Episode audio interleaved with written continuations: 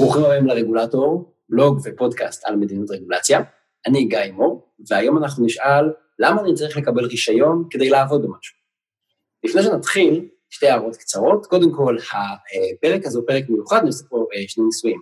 קודם כל, אנחנו מקליטים את הפרק הזה בווידאו, יכולים לראות אותו, יכולים לראות אותי, יכולים לראות את אה, יאיר שמתנהל כאן. ודבר שני, הפרק הזה הוא ראיון. זאת אומרת, אני אה, עושה פה איזשהו ניסיון, סדרה של פרקים שאני הזמנתי כל מיני אנשים בתחום של רגולציה ומדיניות ציבורית בכלל, והפרק הזה הוא פרק של ראיון. אה, ובואו נציג את המרואיין שלנו, היום איתי כאן יאיר אושר, ויאיר הוא דוקטורנט למדעי המדינה באוניברסיטה העברית, הוא גם עמית מחקר בפורום קהלת לכלכלה, וגם בצוות הכלכלי ב-OECD. אהלן יאיר. היי גיא, מה שלומך? מעולה. אז וולקאם. אה, אני אתחיל, רגע, אני, בגלל שאני חושב שאני המרואיין הראשון, אה, ואני לוקח לעצמי את ה... להיות נציג האקדמיה, ולהגיד שגיא, שלא מדבר על עצמו בפודקאסט, אז מעבר לתפקיד שלו במשרד החקלאות, הוא אחד האחראים לקשר בין האקדמיה למשרדי הממשלה. הוא מאוד מקדם את הנושא של הרגולציה וכולם מאוד מעריכים אותו. ומעבר לכך, דמות מאוד מוכרת, אבל לפעמים בעיקר נשים ששוכחות איך. איך קוראים לו, מכנות אותו החתיך של הרגולציה. אז עכשיו אתה יודע, ועכשיו גם הקהל יודע, ועכשיו גם רואים אותך, אז הם יודעים שזה גם נכון. אז זהו, רק רציתי להוריד את זה ולתת לך קצת קרדיט לפני שאנחנו מתחילים. אחלה, טוב, זה, זה, תפסת אותי לא מוכן. אז אנחנו כן, אנחנו היום, חוץ מ... כל מזה שאפשר לראות אותי, למי שרואה את הוידאו, אנחנו נדבר גם על, באמת עושים פה את החיבור הזה בין פרקטיקה לאקדמיה, אני חושב שגם אתה עושה את הגשר הזה. ואני הזמנתי אותך כדי לשאול אותך למה אני צריך רישיון כדי לעבוד, או איפה אני צריך לקבל רישיון כדי לעבוד ואיך זה מתנהל. ובשנה שעברה אתה פרסמת מחקר שמנתח את התופעה הזאת של רישוי מקצועות בישראל, שיש שם גם מיפוי, שאני לא חושב שנעשה עד היום, של המקצועות, ומה קורה, והיסטוריה, ולאן זה הולך, וגם הרבה מאוד תובנות. אז אני אשמח אם תוכל להתחיל ולספר לנו על המחקר הזה. אוקיי, okay, אז קודם כל אני אגיד בכלל מה זה רישוי מקצועות. אז רישוי מקצועות זה רגולציה שדורשת אה, אה, רישיון כדי לעבוד במקצוע מסוים, וכדי להשיג את הרישיון צריך אה, אה, לעבור איזושהי הכשרה מקדימה ולעמוד באיזשהן דרישות סף. עכשיו, זה לא רישוי עסקים אה, שמדבר על אה, עסק, אלא זה מדבר על הבן אדם הפרטי, אה, שהוא בעצמו יעסוק במקצוע שלו. עכשיו, זה, זה תחום שהוא כמעט ולא נחקר בישראל, בכל מיני סיבות, הוא דווקא מאוד פופולרי בארצות הברית, נעשו לזה בעיקר מחקרים כלכליים, אבל אני מהתחום של מדע המדינה. ובכל זאת החלטתי לעסוק בזה. אה, למרות שהוא לא נחקר בישראל, גיליתי שהוא מאוד מאוד רווח בישראל. בישראל יש היום מעל 150 מקצועות מורשים, אה, זה תמיד אה, נתון שהוא קצת מפתיע, כי אנחנו אה, רגילים לחשוב, אוקיי, עורכי דין, רופאים, אחיות, פיזיותרפיסטים, רואי חשבון, אבל בעצם יש המון מקצועות מורשים במשק, יועצי השקעות, יועצים פנסיונים, מדריכים לנהיגה ספורטיבית, מתווכים של רכבים, מתווכים של דירות, המון המון מקצועות בישראל, ויותר מזה, אינדיקציה לזה שזה באמת תופעה רווחת, זה שאחד מכל ארבעה עובדים במשק משתמש ברישיון כדי לעסוק במקצוע שלו. זה יותר גבוה, למשל, מאיגודי עובדים. כלומר, יש יותר אנשים שצריכים רישיון כדי לעסוק במקצוע שלהם, 25% מהמשק, מאשר איגודי עובדים, ובסך הכל הנתון הזה שם את ישראל אה, מעל הממוצע של ה-OECD, מעל החציון גם של ה-OECD, כלומר, תופעה רווחת אה, בישראל במיוחד. רגע, אז רגע, נעשה רגע סיכום ביניים. 150 מקצועות בישראל הם מקצועות מרושים, ומה הממוצע של ה-OECD? אם אתה אומר בישראל אנחנו 25 אחוז, מה, מה מכוח העבודה מרושיין? אמ, אני לא זוכר אה, בדיוק, אני חושב שהוא עומד על משהו כמו 22 אחוז. אוקיי. משהו, משהו כזה. כמובן שגם זה לא מחקר שלא עשו אותו בכל המדינות, אבל יש איזה מידע על כמעט 30 מדינות, לא, סליחה, קצת מעל 30 מדינות, mm-hmm. וזה אומר שזה אה, יחסית רווח, זה גם קשור לא רק למקצועות המורשים, אלא לתעשיות, למשל, אם בישראל יש יותר מורים מאשר בכל מדינות ה-OECD, בגלל שבישראל יש גם יותר ילדים פר נפש במדינות, כל, במדינות ה-OECD, אז לכן גם יש יותר בעלי מקצוע שדורשים רישיון, כי הוראה בישראל דורשת רישיון. כן, אותו דבר עם עורכי דין, קבוצה שאני משתייך אליה, עורכי דין גם המון. גם אני, גם אני בעוונותיי משתייך אה, לקבוצת עורכי הדין. Yeah. אה, המחאה הקטנה שלי אה, היא שאני לא משלם דמי לשכה. אני לא עוסק בזה במקצוע, אני רק קיבלתי את הרישיון לפני כמה שנים, אבל אני לא משלם את דמי, דמי חברות לשכה המופקעים, וכרגע אני לא יכול לחתום על טפסי ארנונה לחברים בעיקר. אז אני משלם, ושמרתי את הגלימה ואת החותמת למרות שאני לא עוסק בזה. אה, אז אני, אבל אני גם. בפורמליסטיקה אני רשום כעורך דין. אה, אז אה, בוא, בוא, בוא, בוא נדבר קצת, בוא נצלול קצת. יכול לתת דוגמאות למקצועות שהרישיון שלהם נראה מגוחך או מעלה, מרים גבם. אני אספר שלפני בערך שנה וחצי אני פרסמתי בבלוג פוסט על זה שבארצות הברית יש מדינות שצריך אה, רישיון מהממשלה כדי לעסוק כחופף שיער במספרה. לא הספר עצמו עם המספריים שיכול לחתוך אותך חלילה, אלא אה, אה, הבחור, הבחורה מאחורה ששוטפים לך את השיער והם נגדים אותו עם מגבת, צריכים בשביל זה רישיון. יש לזה דוגמאות גם בישראל? אוקיי, okay, אז תראה, יש משהו בעייתי, כי בעצם כמעט כל מקצוע אולי לא חופף שיער, אבל כמעט כל מקצוע אפשר להצדיק שהוא צריך אה, רישיון. בכל מקצוע, תמיד כשאני גם מגיע לישיבות, אז אומרים לי אה, שיש עניינים בריאותיים, אה, ושיש עניינים שמסוכנים לאזרח, למשל עכשיו בכנסת, האח... לא בכנסת האחרונה, אבל באחת הכנסות האחרונות, עלה לדיון הצעת חוק לרישוי קוסמטיקאיות. אז באמת הקוסמטיקאיות אומרות, ובצדק, שמשתמשות בכל מיני תכשירים, וזה עלול להיות מסוכן, והן אה, מורטות שערות ומסתדרות ציפורניים, זה עלול להזיק אה, לבריאות הציבור. אז אפשר להגיד את זה כמעט על כל, אה, על כל דבר. ובישראל בסך הכל, יחסית למה שקורה למשל בארצות הברית, שכמו שאמרת, יש חופפי שיער, שוזרי רסטות, מסדרי פרחים, זה הכל דוגמאות אמיתיות בארצות הברית, ספרים בהרבה מקומות. אז בישראל אין דוגמאות, דוגמאות כל כך מופרכות, אבל יש, למשל, לוכדי נחשים, דוגמי מים, זה אנשים שבודקים ש... המים שאנחנו אה, שותים הם אה, תקינים. אה, שמאי רכב, זה אנשים שעומדים את הנזק שקורה לרכב בתאונה, או שמשתמשים בהם כדי למכור רכב יד שנייה. קשה מאוד להצדיק את הרישוי של המקצועות האלה, כמובן שתמיד אפשר, תמיד אפשר לטעון שגם כשבאים לעמוד נזק של רכב, אנחנו לא רוצים ששרלטנים יעשו את זה, אנחנו רוצים להעלות את הסטנדרט, ולכן אנחנו עושים רישוי למקצוע הזה. אני קצת חולק עליהם. אוקיי. אז אתה אומר, אין אצלנו דוגמאות ממש ממש מגוחכות, אבל uh, יש לנו דברים שאתה אומר שהם יותר, סקפטי לגביהם.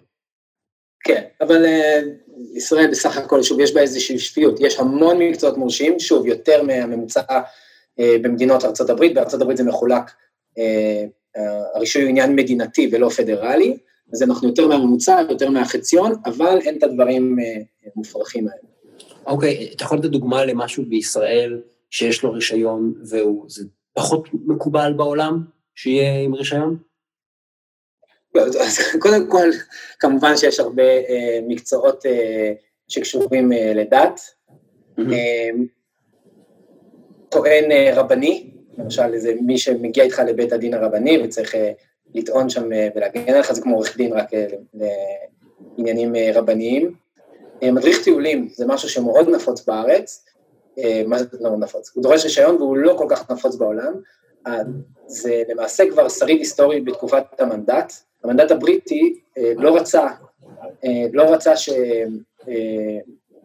אחד שירצה ידריך טיולים, ועלול להביא כל מיני, גם צליינים שהיו אז באותה תקופה, וגם כל מיני מבקרים, עלול להביא אותם מקומות אה, קצת פחות נעימים, אז המנדט הבריטי ממש אה, אה, עשה לזה רגולציה, וכל מי שהיה מדריך טיולים היה כפוף לממשלת המנדט.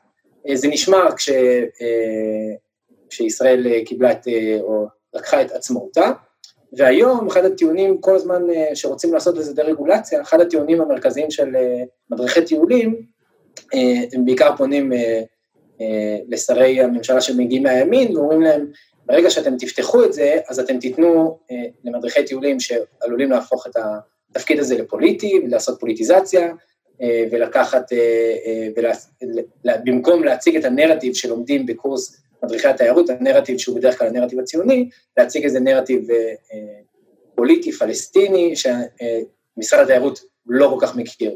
אז זה, זה מראה איך הגילדה או קבוצת מדריכי התיירים עושה שימוש בסיפור הפוליטי ולוקחת את זה בשביל, לטובתה, בשביל לסגור את המקצוע, לא לאפשר לעוד אנשים להיכנס למקצוע. אוקיי. אגב, שווה להגיד שהרבה מאוד שנים, אני חושב שזה שונה לאחרונה, היה בעצם דאבל של רישוי מקצועות על מדריכי טיולים. היה את הרישוי של משרד התיירות, והיה את התו תקן של משרד החינוך, רוצים להדריך אה, טיול שנתי, ובעצם היה צריך לקבל את שניהם כדי להדריך בכל ה... אה, נכון, כי, כי באמת, אה, באמת משרד החינוך, מוציא המון טיולים, ואין מספיק מורי דרך בארץ היום. זה גם מאוד יקר, מורי דרך הוא, הוא אה, יחסית, לוקחים הרבה כסף אה, לטיול, בגלל שאין הרבה, זה עניין של היצע וביקוש. אז לכן אה, משרד אה, החינוך אה, קידם אה, רישוי, מעין תת-רישוי של אה, אה, מורי דרך, מדריכי טיולים לאזורים ספציפיים שבהם משרד החינוך מטייל. אני גם אציין בעניין הזה שיש עוד חריג למורי דרך, החריג זה מי שמגיע לטיולים דתיים. אה, הכנסיות, שכן יש להם איזשהו אה, כוח פוליטי מסתבר בישראל, במשרד התיירות, כי מביאות הרבה תיירים לארץ, להן מותר להביא מדריכים מטעמם, כל עוד הטיול הוא לגמרי דתי, אפשר לעשות, אה, אפשר, אפשר שהמדריך לא יהיה מורה דרך, ובאמת מי שמסתובב, אני גר בירושלים, ומי שמסתובב בעיר העתיקה, הרבה פעמים רואים אה, מדריכים שהם אה, לא אה, מורי דרך, הם בדרך כלל מסתובבים אבל איזה אישור לזה שהם מדריכים באוריינטציה דתית, ומדריכים אותם בוויה דה לה רוסה ובשאר האתרים הקדושים לאסלאם, לנצרות. אוקיי, מעניין. אז אם באמת דיברנו על, גלשנו ככה בלי לשים לב לנושא של הוראה במשרד החינוך, יש לנו אישור של מקצועות גם בתחום החינוך, כן, אז, אז כמובן, אה, או, תכף אני אגיד למה זה לא כל כך אה, מובן. אה, נתחיל מזה שמורים דורשים רישיון, וזה כבר יחסית בשלב מוקדם של המדינה. וברגע שהמדינה הרחיבה את הפיקוח שלה, לפני כמה שנים הרחיבה את הפיקוח שלה גם על גנים מגיל שלוש, בעבר זה היה גן חובה, אבל היום גם על גנים מגיל שלוש, גם הגננות דרוש שיהיה להם אה, רישיון, בדרך כלל הרישיון הזה, גם בגלל מחסור, אז דורשים רישיון רק מהגננת הראשית, ולסייעת אין, אה, לסייעות לא תמיד יהיה רישיון, הן צריכות לעבור איזושהי הסמכה, אבל לא בהכרח יהיה להן אה, רישיון. והרישיון הזה שווה עבור הגננות האלה איזשהו כסף, כי אם אין את הרישיון אי אפשר לעבוד כגננת ראשית, שזה המשכורת הכי מכניסה בגן. עכשיו, זה נשמע לנו מאוד, אה, מאוד טריוויאלי, באמת, אנחנו לא רוצים ששרלטנים או מי שלא עבר הכשרה ילמד את הילדים שלנו, אבל אני לפני uh, uh, כמה שנים הייתי בפגישה בנושא הזה בשוודיה, ושם uh, התפלאו והסתכלו עליי בפליאה, אומרים, מה, צריך רישיון כדי להיות מורה בישראל? אנחנו בחיים לא נתערב להורה איך לבחור את, ה, את המורה שלו. כלומר, מאוד סומכים שם על ההורים, שיש להם את היכולת לבחור בעצמם בית ספר ומורה, והם יכולים בעצמם לבחון את המורים, ולא צריך שהמדינה תתערב בדרך ההוראה, בהכשרה של המורים. וכרגע המערכת השוודית אה, מתפקדת, זה נכון אגב למדינות אה, נורדיות אחרות, יש שם העצמה של האזרח, כלומר, נותנים לאזרח לבחור בעצמו אה, מי ילמד ומי לא. וכן, אני אגיד עוד משהו בנושא הזה, שעכשיו כשמדברים על, אני לא זוכר איך בדיוק נקרא המחאה הזאת, אבל דרישה שיש בה הרבה מן הצדק שהמדינה אה, תיקח אחריות על החינוך כבר מגיל, אה, אה, כבר מגיל אפס, אז אחד המהלכים שכנראה הולכים לעשות, וזה כבר יושב בכנסת, וכבר הכינו תקנות בנושא, זה שאם היום דורשים רישוי של הגננות מגיל שלוש, אז ידרשו רישיון גם גננות ממש מגיל אפס.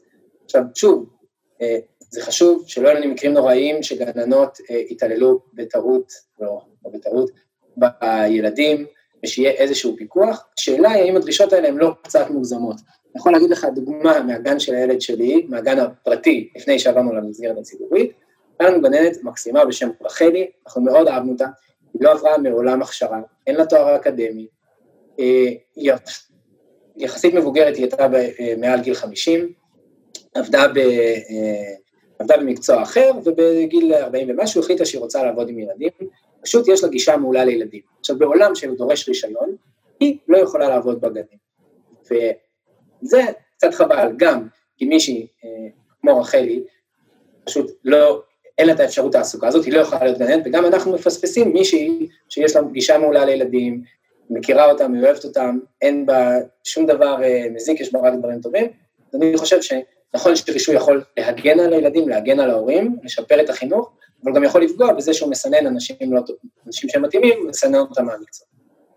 כן, בהחלט. האמת שיש עוד, עוד סוגיה בנושא הזה, שאני ככה מספר מהניסיון האישי שלי, אה, שזה בעצם המקרים של הסרה במהלך קריירה. אה, לי יש תואר ראשון ותואר שני במשפטים, ואימא שלי מורה, והרבה פעמים אנחנו מנהלים שיחות שככה, על להיכנס למערכת החינוך ולהתעסק בהוראה. וחוץ מזה שזה לא כזה אה, משרה אטרקטיבית בעיניי כרגע, ואני אוהב מאוד את מה שאני עושה. אם אני נגיד רוצה עכשיו ללכת ללמד אה, אזרחות נגיד, ויש לי את ההשכלה שפחות או יותר נדרשת, אני צריך עכשיו ללכת ולעשות תעודת הוראה וכל מיני פרוצדורות, ש, שאני לא אשן עכשיו בבית ואעשה את ההסרה הזאת באמצע הקריירה שלי, אם אני רוצה עכשיו להתחיל להיות מורה. זאת אומרת, אה, זה, לפעמים אה, זה לא רק, צריך לזכור שאנחנו אנשים לא נכנסים לשוק העבודה, או נכנסים לאיזה מקצוע בגיל 20 או 25 בתחילת הקריירה, אנשים עושים שיפטים, ורישוי כזה מפריע לאנשים לעשות אה, מעברים בין מקצועות. אז, אז הנקודה מעולה, אז באמת אה, מחקרים הראו שבמדינות שיש בהן אה, יותר, ככל שהרישוי שלהם יותר גבוה, כלומר על יותר מקצועות, אז יש שם הרבה פחות דינמיות בשוק העבודה, ואנשים לא, מצ... לא נשארים בעבודה שלהם ולא מחליפים, למרות שאולי זה יהיה יותר יעיל עבורם ועבור החברה בכלל, אם יעברו מקצוע, וכמובן שאני מדגיש שהרבה פעמים באמת מי שנפגע מזה זה אנשים מבוגרים, שחס וחלילה אם הם מפוטרים בגיל מאוחר, ועכשיו הולך להיות לנו אה, במשבר הקורונה הרבה אנשים שיאבדו את העבודה שלהם. יכול להיות אפילו גם הייטקיסטים שמאבדים את העבודה שלהם, והם יכולים ללמד מתמטיקה יותר טוב מכל אחד וללמד פיזיקה יותר טוב מכל אחד אחר, אבל עכשיו הם צריכים באמת לעבור, את, אה, אה, לקבל תעודת הוראה, לעבור איזושהי הסמכה, לעשות התמחות. עכשיו, אני לא רוצה לזלזל בדברים האלה, אני לא אומר שבדברים האלה אין תועלת, יכול להיות שתעודת הוראה מאוד עוזרת, אבל לפעמים היא, נותנת, היא מציבה מגבלה קשה מדי, למישהו בגיל מסוים, מישהו עם משאבים מסוימים, מישהו שמחפש ממש עכשיו עבודה, להיכנס למקצוע. כן, מסכים מאוד. אמ, בוא נצלול להארדקור של רישוי מקצועות. שתמיד, כמו שאמרת בהתחלה, יש שני מקצועות שתמיד מדברים עליהם כשמדברים על רישוי מקצועות, זה רופאים ועורכי דין. אה, בואו נתחיל מרופאים, ובכלל כל העולם הרפואי, שזה לא רק רופאים, אז בוא אולי תגיד רגע על איזה מקצועות בעולם הרפואה יש הסדרה, רישוי של מקצוע, ו- ו- ומה הממצאים שלך על, על ישראל באמת. אוקיי, okay. אז ממש במקרה המחקר שעכשיו אה, שעבדתי עליו ב-OECD בדיוק יצא, ובדקנו אה, כמה, אה, איזה סקטור יש בו הכי הרבה מקצועות אה, אה, אה, מורשים, ובאופן לא מפתיע זה אכן מקצוע אה, רפואה. לא, סליחה, לא מקצוע הרפואה, אלא כל מקצועות הבריאות. יש אה, המון, אני מניח שבישראל מעל 30, אה, פיזיותרפיה, ריפוי בעיסוק, כמובן רפואה, אה, אחיות, אה, פסיכולוגיה. אה, טכנאי רנטגן למעשה לא דורשים אה, אה, רישיון, אבל יש מקצוע חדש, כן, הם, אה, אכן הם מנסים אה, אה, להילחם על זה אגב. יש מקצוע חדש של עוזר רופא, שדווקא זה התקדמות טובה שישראל עושה. בקיצור, ממש הרבה מקצועות. בדרך כלל זאת הדוגמה, זאת הדוגמה המובהקת לזה שצריך רישיון, אנחנו לא רוצים רופא שעוסק בחיי אדם ובבריאות הגוף והנפש, או כל, או כל בעל מקצוע אחר בתחום הבריאות, אנחנו לא רוצים שזה יהיה מישהו שלא עבר הכשרה מתאימה. עכשיו, אני לא רוצה אה, עכשיו לסתור את העניין הזה, אבל אני כן רוצה אה, להציע עוד נקודת מחשבה, זה לא רק זה שיש רישיון או אין רישיון, אלא זה מה משך ההכשרה של אותו רישיון. עכשיו, רופאים בישראל לומדים שבע שנים, ובדרך כלל צריכים לעשות התמחות שנעה בין ארבע לשבע שנים, וגם בדרך כלל תת-התמחות, שמעריכה את זה עוד יותר. ובסך הכל, ישראל, סליחה, היא, היא אחת המדינות עם תהליך ההכשרה הכי ארוך של רופאים. עכשיו, מה זה אומר? אז א', זה אומר שיש לנו באמת רופאים מאוד מוכשרים, מוכשרים אה, גם טאלנטד, אבל גם מוכשרים פשוט עוברים הכשרה מאוד ארוכה, אבל גם זה אומר שיש לנו עומס במערכת הבריאות ויש לנו מחסור ברופאים, ובזמן שבמדינות אחרות, למשל גרמניה, אה, כל, אה, לוקח לה 12 שנה להכשיר רופא מומחה, לישראל לוקח 14 שנה. המשמעות של זה היא פשוט פחות רופאים במערכת. אז שוב, אני לא אומר עכשיו צריך לבטל את הרישוי של רפואה כלל ועיקר, אבל אני אומר, כן צריך לבחון איך אנחנו מזרזים את התהליכים האלה, איך אנחנו אה, מוציאים תכנים שהם לא כל כך חשובים, למה בישראל הלימודים הם כל כך ארוכים, אה, לימודי הרפואה, אה, למה כל כך קשה לרופאים מחו"ל, במדינות מסוימות, לעבוד, לעבוד בישראל. אנחנו יודעים שהיה גל גדול של עלייה רוסית בשנות ה-90, אז בהתחלה פשוט לא נתנו להם רישיון להרבה עולים שהגיעו לפה בשנות ה-90, אבל אז הבינו שפשוט א', לאנשים האלה לא תהיה עבודה, וב', יש אוכלוסייה גדולה של מעל מיליון עולים שמגיעה, צריך עוד רופאים, אז היה לנו את הגל הזה של רופאים, והיום בעצם, לולא העלייה הרוסית, המערכת, המערכת הרפואה בישראל הייתה במחסור משמעותי של רופאים. אז אני רוצה להתריע, ומה שאני מנסה להתריע גם בפני, בפני משרד הבריאות, כשהזדמן לי להגיע לשם, זה שלא יהיה עוד גל כזה, לפחות אני לא צופה עוד גל אה, של אה, רופאים שמגיעים מברית המועצות, ולכן אה, זה טוב מאוד שהרופאים בישראל הם מאוד מוכשרים ולוקחים את הזמן בהכשרה שלהם, ההתמחות שלהם יותר ארוכה והלימודים שלהם יותר ארוכים, אבל צריך לזכור שהצד השני של זה, זה מחסור ברופאים, אנחנו חייבים, כדאי מאוד שיהיו פה עוד רופאים, כדאי שיהיו פה עוד אחיות, כדאי שיהיו פה עוד בעלי מקצוע בכל תחומי הבריאות, כדי שאנשים יחכו פחות בתורים, כדי שאנשים יקבלו את הטיפול הכי טוב, וכדי שיהיה להם פחות, שגם לרופאים עצמם יהיה פחות עומס. אוקיי, באמת חשוב, ואנחנו מדברים אה, ממש לפני ליל הסדר, הקורונה משתוללת לה גם בישראל וגם בעולם. אה, האמת שהקלות בעולם של אה, רישוי של מקצועות בריאות, רופאים, אחיות, מקצועות אחרים, באמת יכול להזרים לנו אנשים לתוך המערכת ולאפשר לנו לתגבר את המערכת בעוד אנשים שיכולים ממש להציל חיים פשוטו כמשמעו. ממש. אז אה, באמת, אה, יחד עם אה, פורום קהלת, הכנו איזו רשימה של המלצות למשרד הבריאות, מה אפשר לעשות כדי עכשיו, יש עומס מאוד גדול, איך אנחנו יוצרים איזושהי גמישות ברגולציה כדי להגדיל את כוח, כוח האדם, גם יש עומס בגלל, בגלל המגפה עצמה וגם רופאים רבים ובעלי מקצוע, מקצועות הבריאות אה, נמצאים פשוט בבידוד. אה, אז, אה, אז לכן משרד הבריאות, אחת הפעולות המרכזיות שלו היה זה שהוא עשה הכשרה פשוט מזורזת, במקום לפרוס את זה על פני כל כך הרבה זמן, עשה הכשרה מזורזת לאחיות, זה אחיות שכבר היו בתהליך, זה סטודנטיות לסיעוד שכבר היו בתהליך ההכשרה, עשה עם הכשרה מזורזת, זה עוד 900 אחיות במהלך מבורך של משרד הבריאות. כרגע הדבר הזה לא קורה ברפואה, אני מזכיר שבגלל שהרבה סטודנטים ברפואה אה, שלומדים בחו"ל, נמצאים עכשיו בארץ, הם נמצאים בארץ, כוח רפואי מדהים, אין מה לעשות איתו כרגע. אי אפשר לעשות איתו, למה? כי אין להם עדיין רישיון וצריך למצוא מה עושים איתם. אז חלק מהם הצליחו להסב אותם להיות עוזרים, עוזרי רופא, לעשות מעין אה, פעילויות אה, סיוע, אבל אנחנו חושבים, אני חושב, שצריך עוד יותר להגמיש את הרגולציה בתקופה הזאת, לפחות באופן זמני, לתת לעוד אנשים להיכנס למקצוע, כי זה עומס שהוא לא רק בתחום הקורונה, אלא זה, עומס, זה בטיפול הקורונה, זה גם מכל הדברים שמסביב, אנשים בארץ, למרות הקורונה, חולים גם בדברים אחרים, צריכים טיפולים גם בנושאים אחרים, כדאי עכשיו אה, לא לשכוח מזה ולהגדיל את היצע הרופאים. אוקיי, באמת חשוב, באמת אקטואלי. אה, בואו נדבר על עורכי דין, מאחר שיש לנו עורכי דין, אה, אז זה ככה ממש... מה הסיכוי ששנינו נהיה עורכי דין, כן. כן.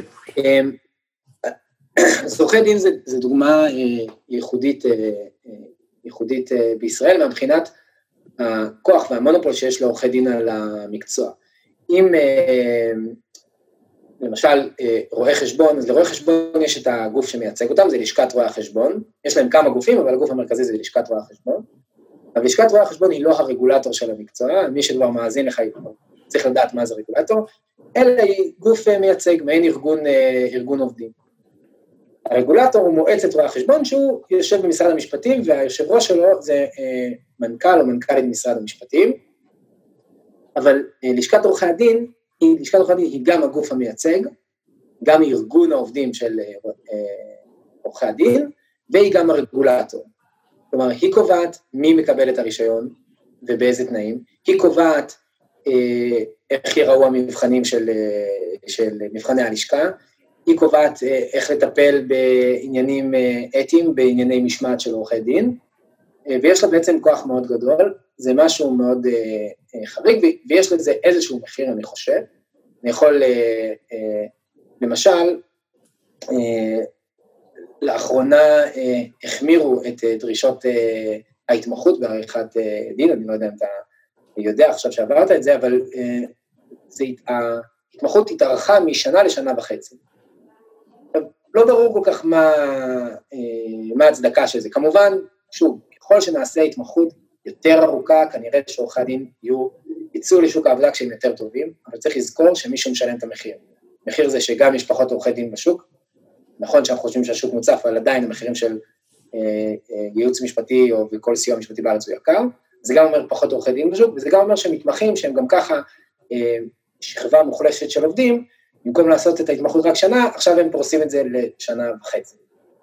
אז זה אחד, ה, אחד זו אינדיקציה לכוח של הלשכה, שהלשכה יכולה להזיז, להזיז, להזיז מהלכים, לעשות רגולציה שתש, שתקדם את, ה, את המקצוע שלה. אמ, היא שולטת על תקציבי עתק מהלשכה, הם, הם אה, גבוהים ביחס לכמעט כל המקצועות האחרים אה, בארץ. אם אתה לא משלם את הדמי חברות, אז בעצם אתה, הוותק שלך נעצר, כל מיני כאלה, אה, מעין סנקציות על אה, עורכי הדין. אה, יש, בשנים האחרונות יש כל מיני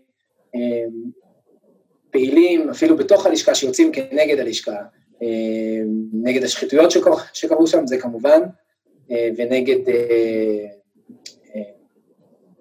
נגד ההתנהגות המונופוליסטית שלה, אבל הלשכה היא מאוד מיומנת, יש לה כוח פוליטי רב, היא יודעת להתחבר לשרי המשפטים. להצביע ליו"ר לשכת עורכי הדין, אה, שהגוף שלהם הוא גם קובע את הסדרת המקצוע ואת הכללים, בחינות הלשכה ואת הכללים האתיים, ואפילו יש בתי דין לאתיקה שמענישים.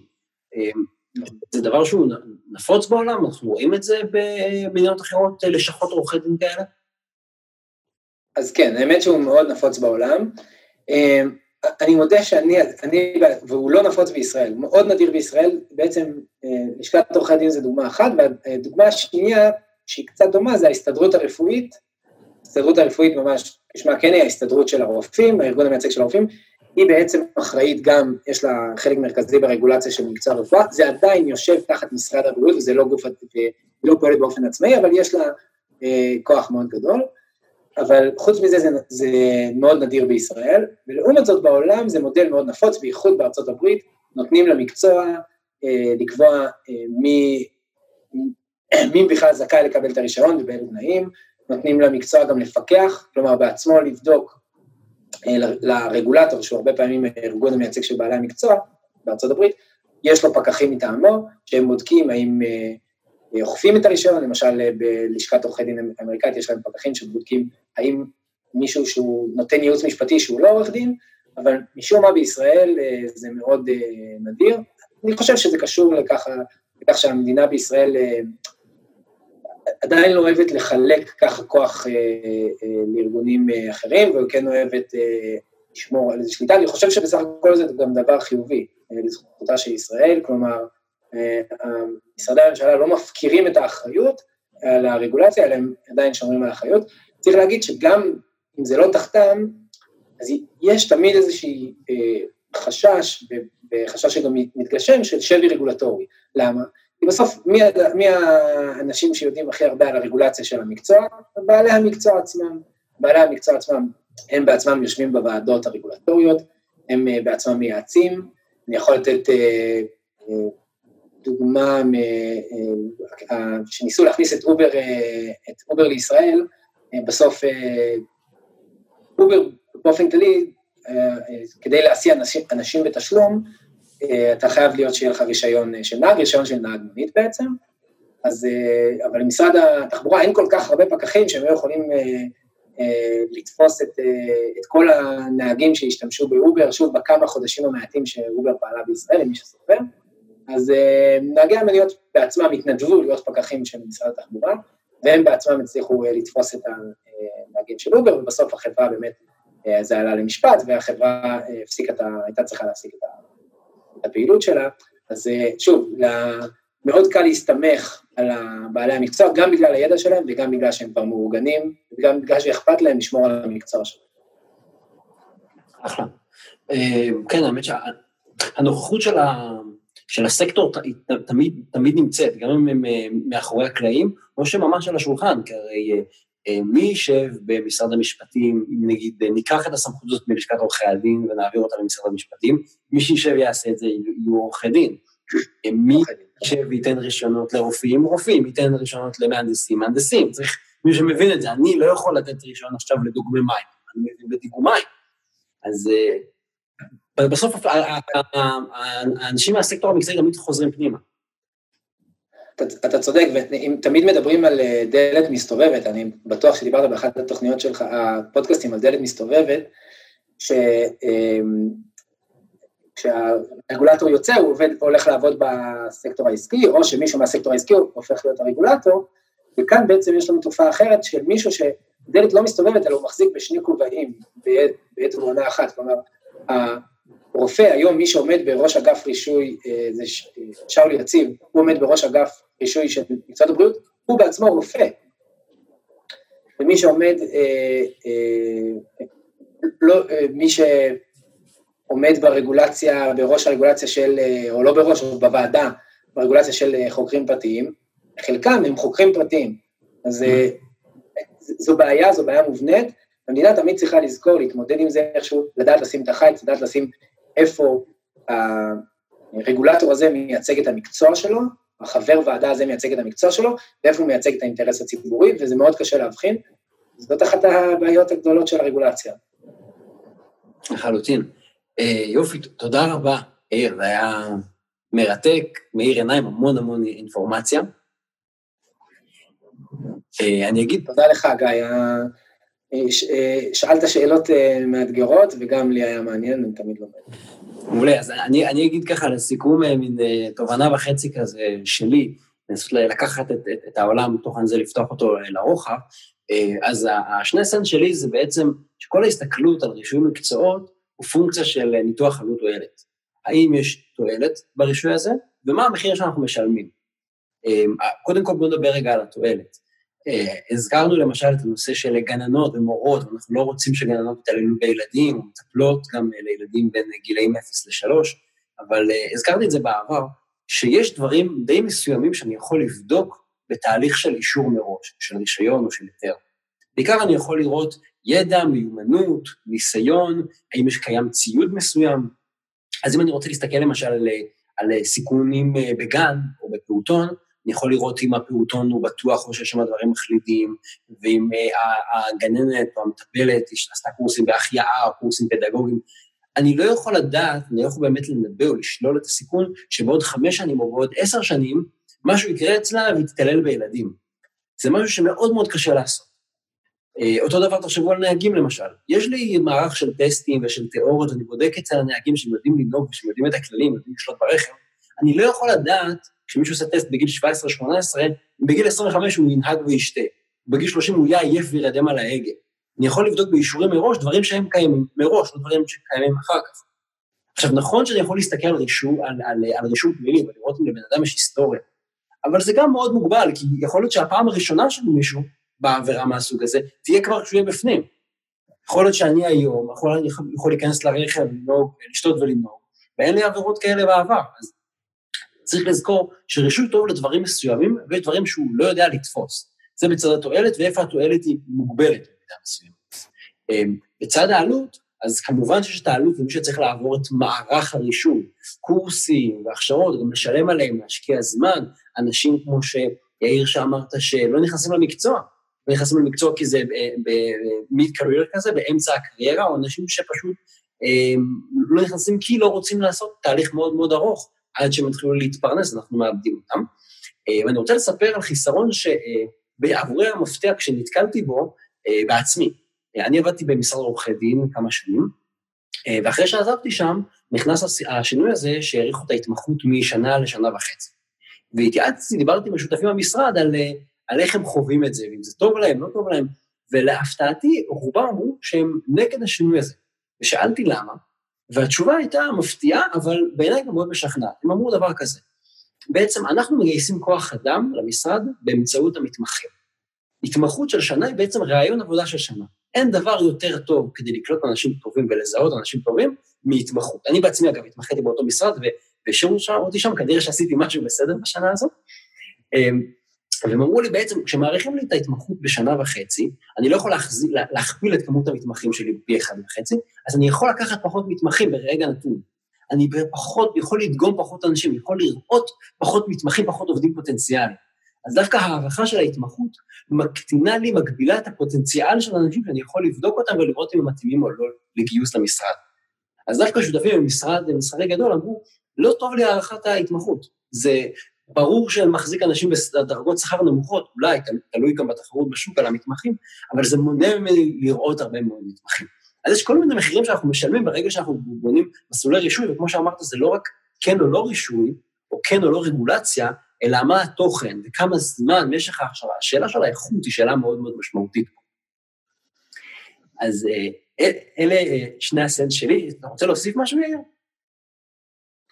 אה, לא, אתה באמת נתת פה עוד נקודה מעולה, ושוב, צריך, אנחנו מדברים על משהו רחב, רישוי מקצועות, בסופו של דבר, מעבר לנושא הרחב, צריך לרדת לפרטיו של כל רישוי מקצועי ולראות מה טוב בו, מה רע בו, מי המרוויחים, מי המפסידים מכל הסיפור הזה, אה, וזו עבודת אה, נמלים, וצריך אה, להקפיד שהרגולטור יעשה אותה. לחלוטין. יופי, אז תודה רבה, יאיר אושרו, אני מאוד מאוד מעריך את הזמן שלך, שבאת, השתתפת, ענית על שאלות, ככה... לא, אין לי לאן ללכת היום. כן, האמת שאני תופס אנשים בסגל, זה, זה, זה הסוד שלי לתפוס מוראיינים טובים. טיפ למי שיש לו פודקאסט. אה, אז תודה רבה לך, יאיר, אה, תודה לכם, למאזינים, לצופים, על, אה, על שהאזנתם לעוד פרק של הרגולטור. אתם מוזמנים, ואני מאוד מאוד אשמח אם תעקבו כמנויים באפליקציות השונות, אם זה Spotify או iTunes, Google Podcast, מה שעושה לכם טוב. אתם מוזמנים גם לעקוב אחרי הבלוג עצמו, יש שם לינקים למקורות, לעוד פוסטים, יש שם, יש לנו את הפייסבוק, ושאנחנו מקיימים דיונים. תודה רבה ליותם רוזנטל על עריכת הסאונד ועל עריכת הוידאו. התכנים, כמובן, מה שאני אומר משקף את דעותיי בלבד, מה שהעיר אומר משקף את דעתו. תודה רבה לכם.